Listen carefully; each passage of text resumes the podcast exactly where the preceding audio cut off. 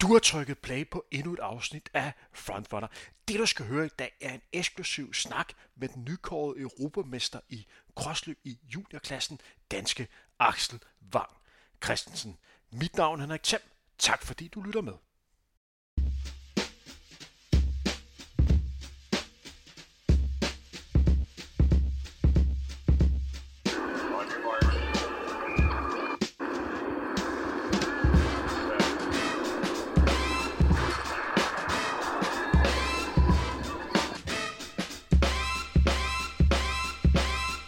Goddag og velkommen her til et helt ekstraordinært udsendelse af Frontrunner. Personen, vi skal snakke med i dag, er en person, som vi har snakket med tidligere, nemlig en af de absolute største løbetalenter, vi har hjemme. Ikke kun i Danmark, men i hele Europa. Så sent som i søndags beviste Axel Wang Christensen endnu en gang sit kæmpe talent, da han blev europamester i juniorklassen i crossløb i Irland. En meget overbevisende sejr, hvor Axel viste, at han var en ægte frontrunner. Velkommen til, Axel. Tak, Henrik. Axel, du bliver altså den første danske herre-europamester siden 1997, hvor Carsten Jørgensen blev senior-europamester i Lissabon. Hvordan er det at, øh, at bryde den tørke af, af, af guldmedaljer? Det er jo en historisk bedrift, du får lavet. Hvordan var det? Jamen, det var helt fantastisk. Det var vildt fedt at løbe hen over stregen. Der var så mange øh, tilskuere ude på ruten. Ja, det var, det var virkelig stort.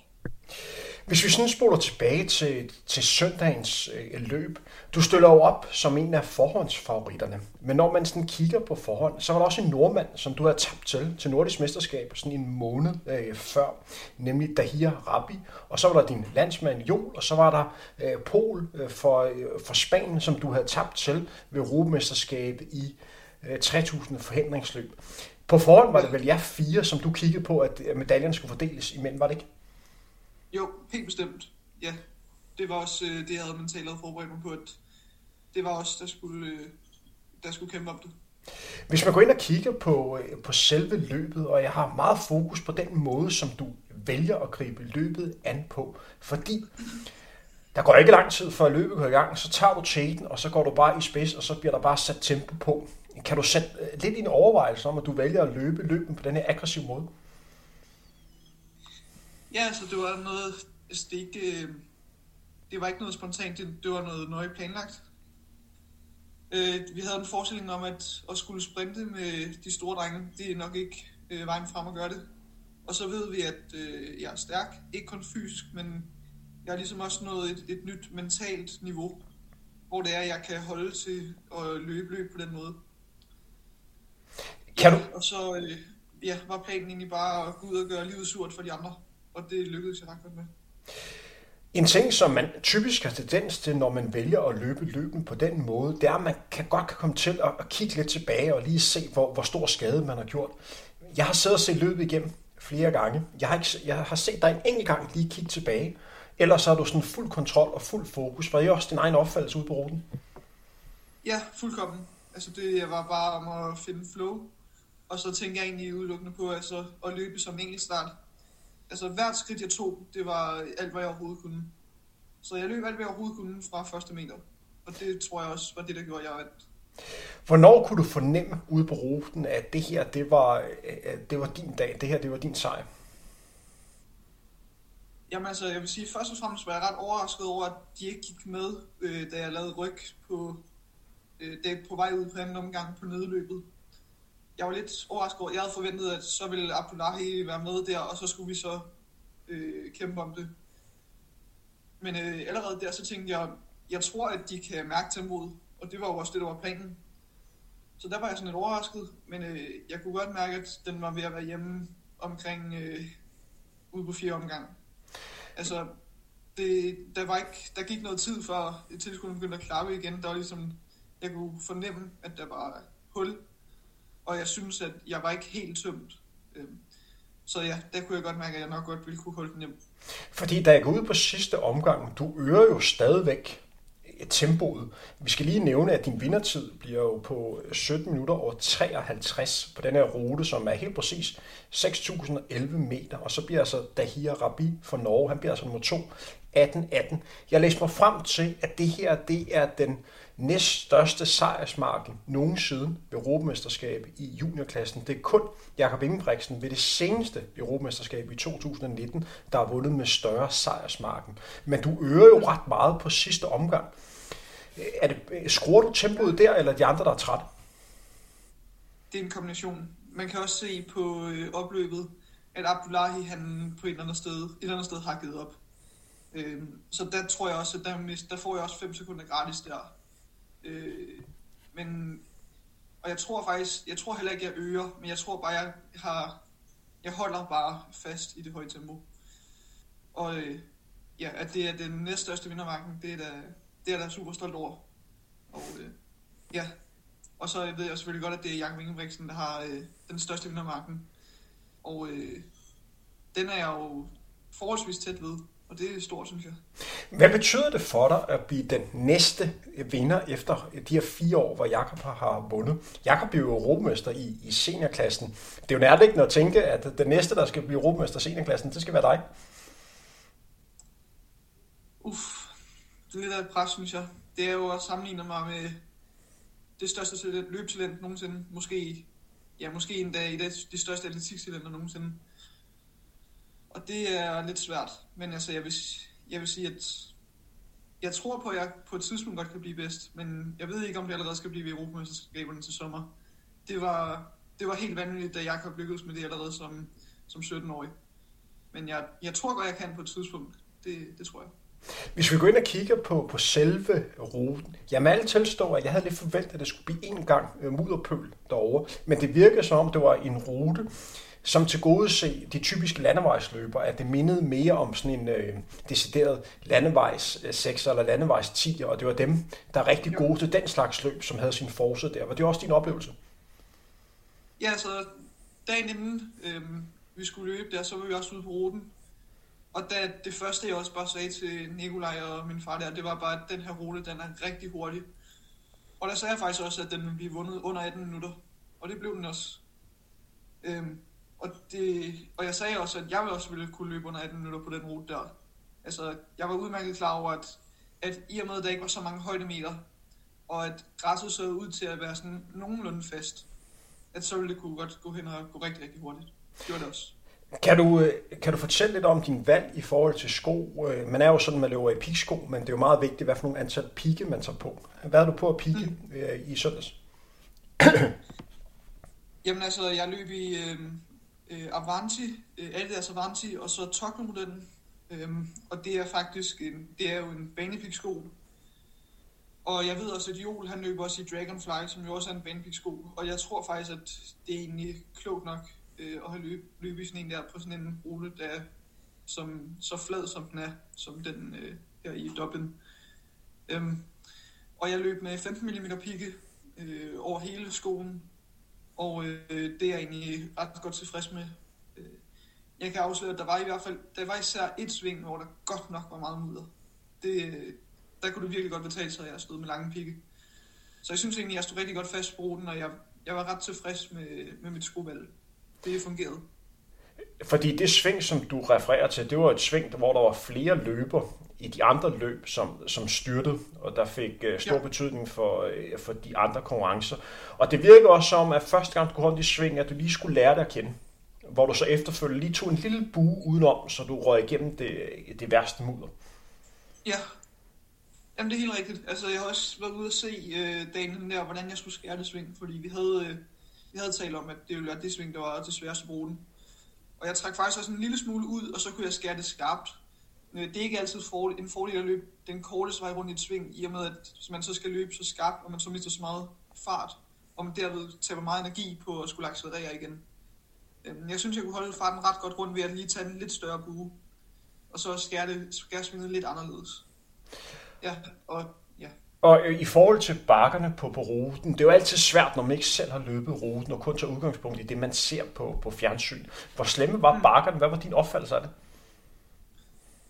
Jamen altså, altså, det var jo en lang bakke, og der var øh, sådan noget som 25 højdemeter på omgang, den store omgang der, øh, 1500 meter omgangen, som vi løb fire af, så 100 højdemeter i alt.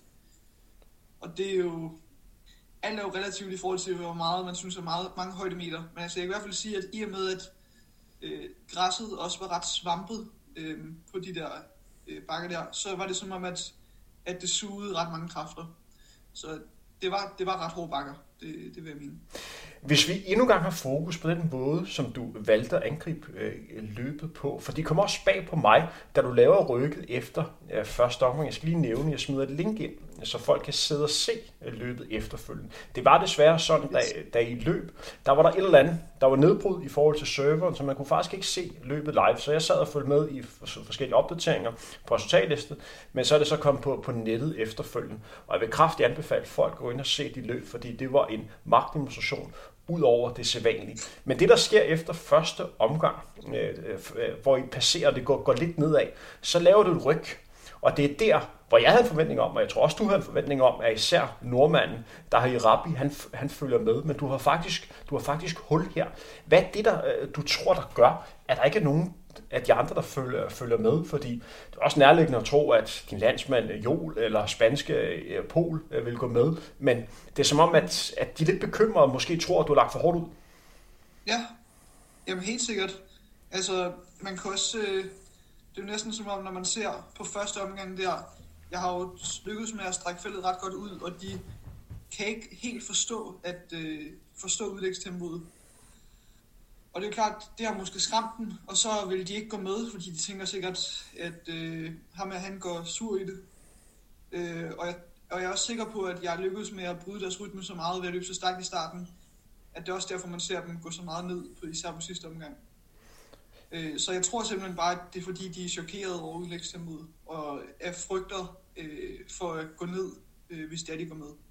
Så du får simpelthen øh, gjort, at de får dannet en masse syre i starten, og man måske også bliver lidt skræmt over, hvor hurtigt det reelt går. Ja, og det var også planen. Øh, fordi det, som du ville frygte, det var, at hvis du løb passivt, at så var der flere af dem, der lugtede, okay, det her det kan være min dag, fordi jeg har en hurtig afslutning. Ja, lige præcis.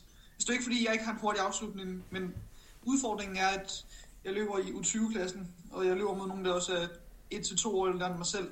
Og det er den øh, fysiske forskel, der er bare på at være 17 og 19, øh, den er bare rigtig stor øh, i sådan en sprint. Og øh, hvis det var, at jeg kunne lykkes med at ligesom tage det der kick ud af dem, så, øh, så konkurrerer vi lige pludselig på lige fod. Og øh, ja, så er løbet faktisk også til min fordel. Axel, hvis vi lige sporer et par uger tilbage. Det var jo sådan, at i optakten til det her, der blev du nummer to til junior NM, hvor du tabte til, til nordmanden øh, Dahir Rabbi, som så, hvor I så bytter plads øh, til EM. Når du tænker tilbage på det her nordisk mesterskab, som blev løbet på en lidt anderledes rute, hvad lærte du af det løb? Jeg mener, der var 9 sekunder mellem jer ved den lejlighed. Ja, ja 9 eller, eller var det 12? Eller, ja, ja, det lyder rigtigt. Ja, altså, det vigtigste er nok, at man skal ikke undervurdere, øh, eller altså piklængden, vi løb, øh, Jol og jeg løb kun i 9 mm, og øh, Abdullahi han løb i 15 mm. Og det var en rigtig pløret rute, og det var dagen inden, der var den egentlig temmelig fast, synes vi. Og vi vurderede ligesom, at 15 mm var ikke nødvendigt. Øhm, og så skøjtede vi jo simpelthen bare rundt, og det kostede så mange kræfter i svingene. Derudover så, derudover så lærte jeg også at forstå, øh, øh, det er som om i cross, at det mentale det betyder enormt meget. Det er meget, meget svært at lukke huller i cross øh, på grund af svingene og bakkerne og sådan noget. Og øh, hvis man først lykkes med at få en, et lille smule, bare en lille bitte smule dagslys imellem dig og de løber, løber bag dig, så kan det lige pludselig være svært at lukke. Og de tanker, øh, dem der ligger bagved, de så lige pludselig får i deres hoveder, det er øh, temmelig negative tanker, og det gør det endnu sværere igen. Så det kan godt være en fordel at føre i krossløb i forhold til på banen, hvor det er, at man typisk kan drage fordel af at ligge bag nogen.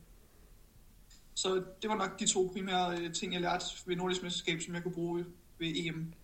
Og så et par uger efter Nordisk Mesterskab, så er der jo det danske mesterskab i øh, cross, der blev afviklet øh, på en rundstrand, der var omkring de 10 km i Korsør, og der blev du en meget overbevisende dansk seniormester. Man skal lige nævne, at du er jo en, en ung alder, Øh, du er jo blevet, øh, hvad kan man sige, 17 år, men tidligere, hvor du var 16 år, har du så også vundet det danske seniormesterskab på, på 10 km landevej. Med andre ord, du har vundet to af de mest eksklusive danske mesterskaber, man kan øh, vinde.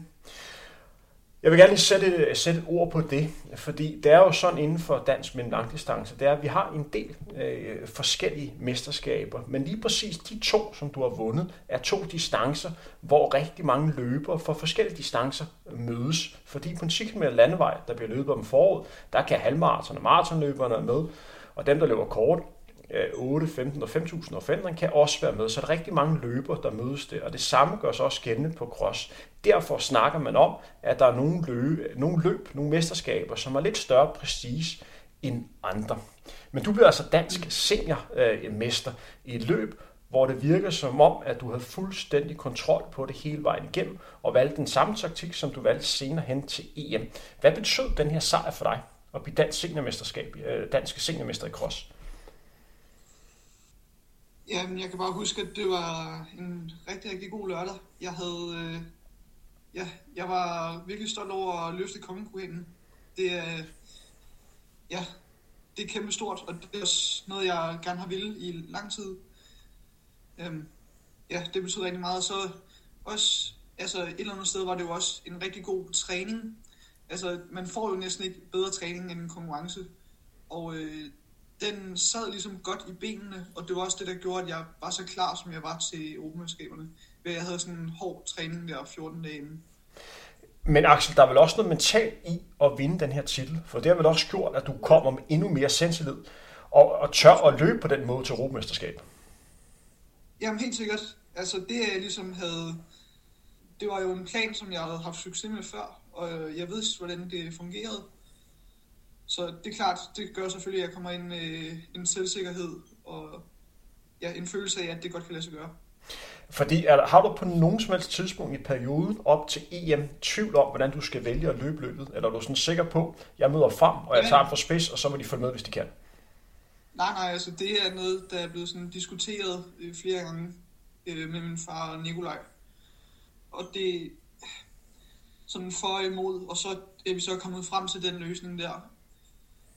Øhm, ja, så det, men vi ved jo godt, hvor det er, mine styrker de ligger, så det var godt, at vi endte med at, at vælge den taktik. Det er jo et løb, hvor vi også har danske Jol, som bliver, som bliver nummer tre, og derfor får vi et historisk øh, podium med hele to danskere. Det er jo aldrig sket før, at vi har to danskere, der bliver et og tre. Hvad gør I sådan helt konkret op til, op til løb? Hvor meget snakker I om, hvordan I hver især vil løbe løbet, eller noget I overhovedet drøfter? Nej, det er ikke øh, noget, vi snakker om. Altså, vi har jo haft nogle holdmøder og så videre på, øh, på hotellet der. Øh, og det er ikke fordi Jola og jeg, vi ikke snakker godt sammen. Vi snakker rigtig fint sammen. Øh, der, er ikke, øh, der er ikke noget imellem os på den måde. Øh, men vi, vi taler ikke om sådan, hvordan det er, vi har planer om at løbe løbet øh, over for hinanden. Det, det gør vi ikke. Så, så han ved ikke, når I står på startstregen, at du har tænkt at løbe den for spids? Det, altså, de er jo ikke øh, dumme. De ved, altså, Jola og hans træner, de ved jo sikkert godt, øh, de ved jo godt, hvordan det er også. Jeg har tidligere har løbet min løb, og de kender jo også godt mine styrker. De har jo nok en idé om, at det er, det er sådan, det bliver løbet. Men altså, han kan jo ikke vide det med sikkerhed, og det er jo også igen øh, til min fordel. Altså, at de ved aldrig helt sådan rigtigt, hvad jeg kan finde på. Det er jo, det er jo godt for mig, kan man sige. Og øh, Axel, en ting, som vi to har snakket om tidligere en del gange, det er jo folk, som bliver ved med at sige, at du løber mangler speed og mangler tempo. Det må da også være dejligt lige at modvise dem, og så bare sætte hele den her øh, banetrive af, af løber fuldstændig på plads, med at bare tage en for spids, og så bare vise, prøv at høre, jeg er dagens champ. Ja, altså, jeg skal ikke bevise noget over for nogen. Jeg, er ikke, øh, jeg løber ikke for andres skyld. Det er jo et frit land. Det er jo, man må mene det, man vil. Men altså, det her, det var en, en rigtig god sejr. Og det, jeg ved godt med mig selv, hvordan det er, at, at jeg løber. Øh, og mit hold ved også godt, kender godt, hvad det er, jeg kan. Så, så jeg behøver ikke at blive bekræftet fra andre i at sige, at Nå, nu har han, har han en god spurt, og nu har han ikke en god spurt. det må man skulle selv om. Men, øh, men det, er, det er fedt, at jeg kunne, at jeg kunne vinde den her. Det, det var stort for mig. Axel, hvordan var det at løbe de sidste 100 meter mod målstregen og så vide, om ikke så forfærdelig lang tid, så er jeg europamester? Ja, jeg ved ikke, altså, jeg er lidt svært ved at klare det, men jeg kan i hvert fald sige, at under løbet, så er der meget sådan tomt på en eller anden måde i mit hoved. Jeg er bare i mit flow. Jeg, jeg presser ikke, men jeg lader mig bare følge med sådan i den energi, der er. Øhm, men det er klart, når jeg når der øh, op, øh, op ad opløbsstrækningen, og jeg kan se, jeg kan mærke, at jeg har masser af hul ned til forfølgerne, og det er egentlig bare mig og målstregen. Det var også der sådan, at det var sådan første gang, at det sådan gik op for mig, at nu kan jeg blive europamester. Og det, jeg tror også, at man kan se på videoen der, at det rører mig, og det var, det gør det også. Jeg er normalt ikke sådan, øh, jeg bliver normalt ikke sådan så følelsesmæssigt påvirket, men det her, det betød noget, det betød virkelig meget for mig. Og hvordan var, var det, jeg var så lykkelig. hvordan var det så efterfølgende at stå på, på præmieskamlen og få medaljen? Jamen det er, når det er, at man så kan, når Dannebro bliver hejst øverst, og der er et nyt land, vi har spillet, det kan jeg næsten ikke forklare. Det er, altså, jeg, men jeg kan godt forstå, at, øh, altså, nu forstår jeg pludselig, hvorfor det er, at jeg ser store sportsmænd øh, småtude på præmieskammen der, fordi det er virkelig noget helt særligt. Det var virkelig smukt. Og en ting, som man heller ikke skal glemme her, det er jo, at når man har lavet sådan en stor bedrift, som du gjorde her, der er jo rigtig mange mennesker, der gerne vil være fat i en efterfølgende. Kan du sætte lidt ord på, hvordan de næste par timer var for dig? Fordi der er vel også noget med, at du skal til dopingkontrol. Altså muligvis skal du også lave en coronatest altså i, i de her tider. Hvordan var de efterfølgende timer efter, at du har vundet det her løb? For det må være hektisk. Jamen altså i starten, så var der jo bare eufori, og der kunne jeg jo ikke mærke, at jeg havde ondt, eller hvad fanden det ellers var. Så det var bare adrenalin, der bare kørte, og jeg var virkelig, virkelig glad. Og jeg gav interviews til de forskellige øh, medier, og ja, jeg fik øh, tildelt øh, sådan en kort der, som gør, at jeg skulle til dopingtest. Så ham dommeren der, jeg, jeg måtte kun jogge rundt i sådan 100 meter ned og 100 meter tilbage igen, sådan så at ham øh, dopingdommeren der, han kan holde øje med mig. Og øh, jeg var selvfølgelig så dum, så jeg fik ikke noget at spise der, så jeg drak lidt vand og sådan noget, det var så det. Og så fordi man tænker jo ikke på, når man skal spise, når man er så glad. Så øh, jeg tog øh, til medaljeoverrækkelse. Jeg løb kl. 10, øh, og jeg havde spist morgenmad der halv syv, lidt over seks. Så, og før jeg så var ude fra medaljeoverrækkelse, og jeg så havde fået øh, afgivet min dopingtest, så var klokken øh, omkring halv to, før jeg kunne spise frokost. Og der havde jeg det godt nok dårligt. Jeg husker, jeg var helt tømt for kræfter, og jeg havde bare frygtelig ondt i kroppen, fordi jeg ikke havde spist noget, og jeg havde tømt mig selv sådan med sådan en kraftpræcision. Så der, der følte jeg mig ret sløj. Men øh, jeg fik lidt mad i maven. Øh, jeg fik set øh, noget seniorløb.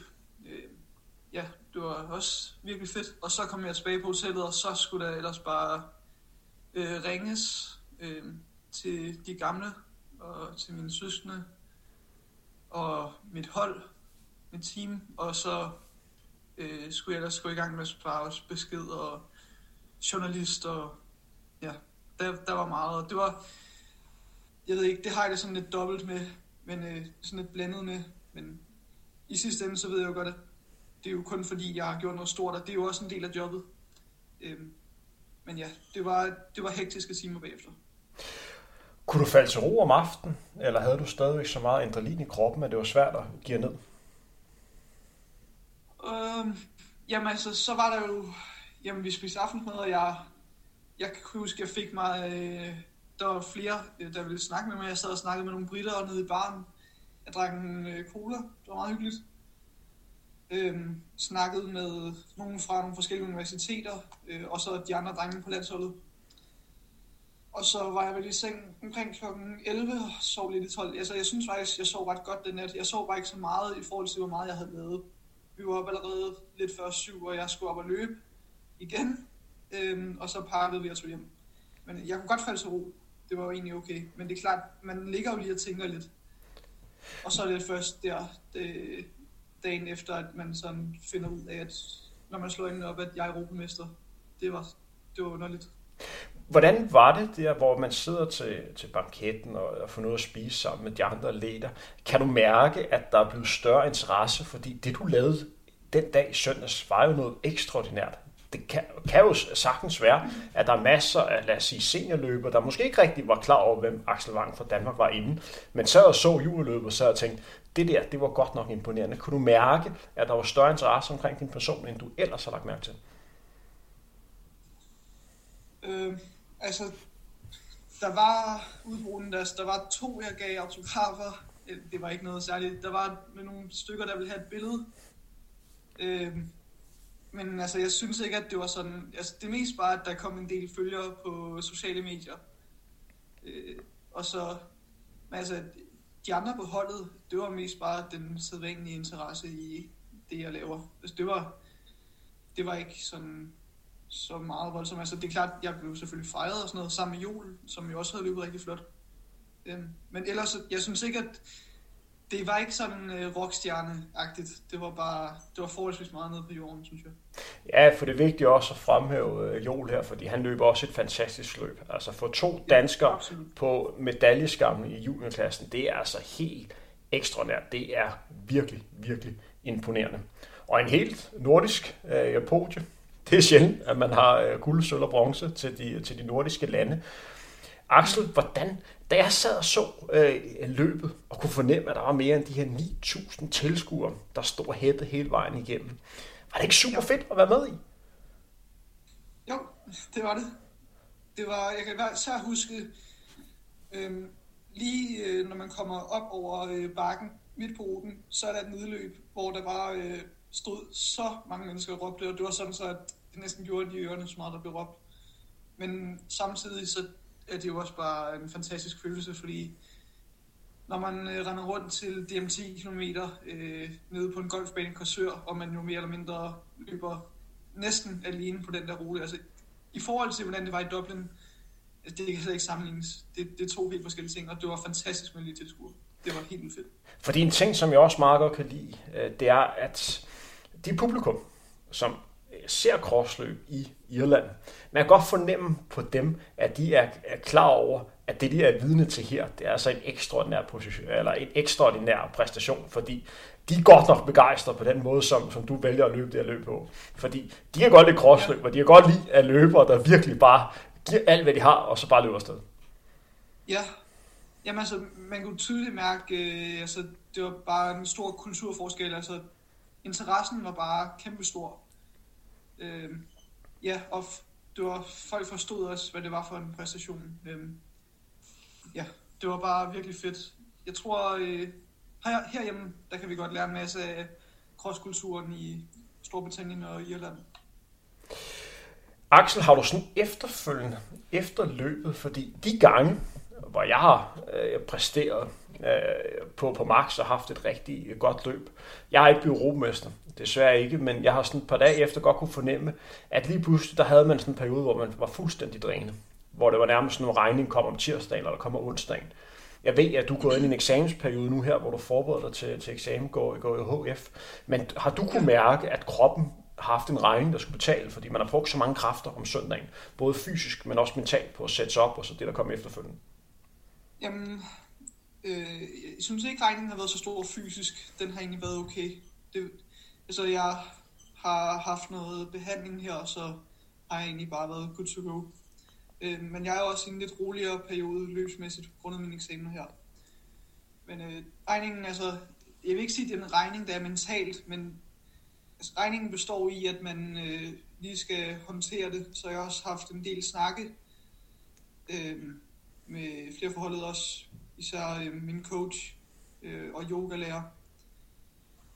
Og det, det var vigtigt, tror jeg, fordi der er jo flere ting i forhold til øh, både den måde, man skal, ligesom, når man på en eller anden måde bliver en rollemodel og en inspiration for andre, hvordan man skal opføre sig, og hvordan man skal tage den her sejr, såvel som øh, hvordan man skal fremover gå sætte sig op til nye mål. Så jeg, jeg føler mig jo ikke mæt nu, men alligevel så, så er det som om, at nu har jeg jo opnået noget stort, som har været et fokus i rigtig mange måneder. Så det kan være sådan lidt overvældende, øh, nu hvor jeg har opnået det, noget det her, at så skulle sættes op som noget nyt. Og det kræver rigtig meget mentalt, så det er nogle vigtige snakke, jeg har for tiden. Det, det er det. Øh, Axel, hvis vi sådan lige har fokus på de kommende uger, øh, som ligger lige foran. Altså, vi er desværre kommet ind i verden igen, som opfører sig en lille smule mærkeligt, så det er jo svært lige at være helt ja. sikker på, hvad der kommer, kommer til at ske. Men ja. efter de løb i søndags, og efter at se dig til, til, DM, øh, til DM Cross, og i forhold til hvad ellers ved, hvad du har trænet, og hvor god form du er, kæft, hvor kunne jeg godt tænke mig at se dig på en 10 km landevej lige nu her. Altså, mm. Det dufter lidt af en tid. Det er store år, men at løbe under 29 minutter på 10 km landevej lige i øjeblikket. Kunne det ikke være noget, der fristede, hvis der var en mulighed for det? Nej, det kunne det ikke. Fordi vi har en plan, og den, øh, den holder vi os til. Jeg løber jo ikke øh, bare for lige pludselig at klare, klare øh, tidsgrænser. Øh, vi har en plan for min udvikling, og den skal ske sådan i et tempo, hvor det er, at jeg kan følge med øh, mentalt og fysisk, og hvor det er, jeg ved, at jeg kan forbedre mig kontinuerligt. Så nu her, så skal jeg lige have ro på og for alvor blive sulten, og det ved jeg, det bliver jeg også. Øh, altså det er jeg allerede igen nu. Men øh, så skal jeg lige have afsluttet mine eksamener her på en god måde, og så kan jeg forhåbentlig få plads i en 5 km i Monaco til februar, hvor jeg kan løbe stærkt. Øhm, og den 10 km der, den må blive til DM i foråret. Axel, vi går ind i en sæson næste år, hvor du stadigvæk er, er, er juniorløber. Blandt andet vil der være mulighed for, at du kan forsvare dit europamesterskab i juniorklassen. Du har jo set, at Jakob Ingebrigtsen har vundet den her mesterskab hele fire år i træk. Jeg ved godt, at jeg stillede dig spørgsmålet, om du var den næste i rækken efter Jakob, da du vandt øh, seniorløbet. Men jeg vil vende spørgsmålet en lille smule om, fordi næste år står du der, hvor du tænker, skal jeg forsvare mesterskabet, eller skal jeg måske gå, gå en klasse op og for eksempel løbe senior, og så se, hvad jeg kan, hvad jeg kan blive der. Vil det friste dig at gå op i seniorklassen, for at blive endnu mere udfordret, eller Jamen. har du nok motivation i at tænke, jeg skal fandme vinde den en gang til? Nej, men jeg vil rigtig gerne gå op i senior, men jeg må ikke gå op i senior. Hvis det er sådan, at reglerne bare. Øh, men jeg ville rigtig gerne. Altså, hvis det var, jeg kunne på en eller anden måde få dispensation, så ville jeg klart foretrække at løbe senior. Okay, det var jeg faktisk ikke klar over. Jeg troede godt, man måtte, øh, man måtte rykke op, hvis man, øh, hvis man måtte. Ja, Jakob han lykkedes med at få dispensation i U23-klassen for at rykke op til senior. Øhm, men jeg tror, at det er, så skal man være olympisk mester eller sådan noget der. Det er ikke noget, man bare lige får. Så må du gå efter og, øh, og, og lave en dobbelt, og det er jo også i sig selv en, en, en stor motivation. Axel, vi, øh, det her var tænkt som en, en lidt kortere udsendelse, hvor vi havde meget fokus på den store bedrift, som du lavede i søndags. Men Axel, der er jo masser af mennesker omkring dig, så jeg vil næsten give dig muligheden for nu her. Er der nogle personer, som du, som du mener, du lige skal, lige skal nævne, som du tænker, dem jeg vil sgu gerne sende en venlig tanke, fordi de har gjort en forskel for mig, i forhold til der, hvor der er lige nu? Oh, ja, der er mange. Øh, ja, først og fremmest så er det vel mine forældre og min familie. Øh, de har sørget for, at jeg kunne øh, ja, de har støttet mig i sporten, siden jeg var helt ung. Så vil jeg gerne øh, takke min træner. Han er jo nu efterhånden en ven af familien. Øh, vi er meget tætte. Et, et rigtig godt forhold, jeg har til Nikolaj. Så vil jeg gerne øh, takke øh, Pia, min øh, yogalærer og min sådan, mental coach. Det er hende, der gør, at jeg kan sætte mig op til de her store stævner med, med, med en selvtillid og en følelse af af selvsikkerhed og selvværd, som gør, at jeg kan præstere optimalt. Og så øh, Kevin i Adidas, som, jeg, øh, som nu er, er stoppet i Adidas. Øh, han har jo han investeret i mig ved at få mig til at skrive kontrakt med Adidas, dengang jeg ikke var så meget værd. Altså, der kan jeg huske, øh, der havde jeg brækket håndledet, og jeg løb 15 minutter på en 5 km, og jeg var skadet. Og, men øh, han troede på mig dengang, og øh, og det, det var jeg glad for, fordi det, jeg fik en opgave, som jeg kunne øh, vokse med, og den forpligtelse, det giver, når man skriver kontrakt med sådan en som Adidas, det er det, der gør, at jeg kunne flytte mig til det niveau, jeg er på nu.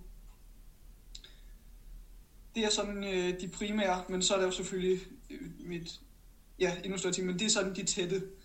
Men så er der jo de råd, jeg har fået af Eskild Ebbesen, og øh, fysiske råd af over i Smiley Fitness med Nikolaj, ja, og øh, Nikolaj K. inde i Kaisersport, øh, min fysioterapeut. Øh, alle dem vil jeg selvfølgelig også gerne takke. Men øh, det er, det var det, tror jeg. Og det er jo godt lige at huske at nævne dem, som har gjort en forskel eller er med til at gøre det muligt, som du præsterede i søndag. Som du nævnte en del gange, så er der jo et team omkring dig, som er med til at støtte dig, så du kan nå de her sportslige bedrifter. Med aller sidste spørgsmål, Axel. Hvordan skal du holde jul? Øh, den helt klassiske herhjemme med bedsteforældrene og familien. Både mor og morfar, far og farfar, de er stadigvæk still going strong. Og øh, ja, vi spiser også en øh, god gammeldags gås, og så har vi en god aften. Det er det, den kommer til at stå på. Det lyder rigtig øh, hyggeligt. Axel, endnu en gang tillykke med den, øh, den flotte bedrift, som du lavede i søndags, og tillykke med at kunne kalde dig europamester et helt år i krossløb. Kan du have en rigtig god jul, og tak fordi jeg måtte øh, forstyrre dig.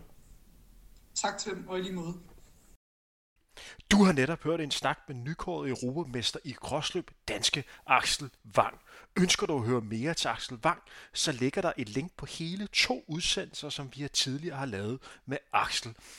En udsendelse, som vi optog i foråret 2021, og en udsendelse, vi optog i sommeren 2020. Her kan du blive endnu klogere på Axel Wang. Mit navn er Henrik Thiem. Det her var Frontrunner. Tak fordi du lyttede med.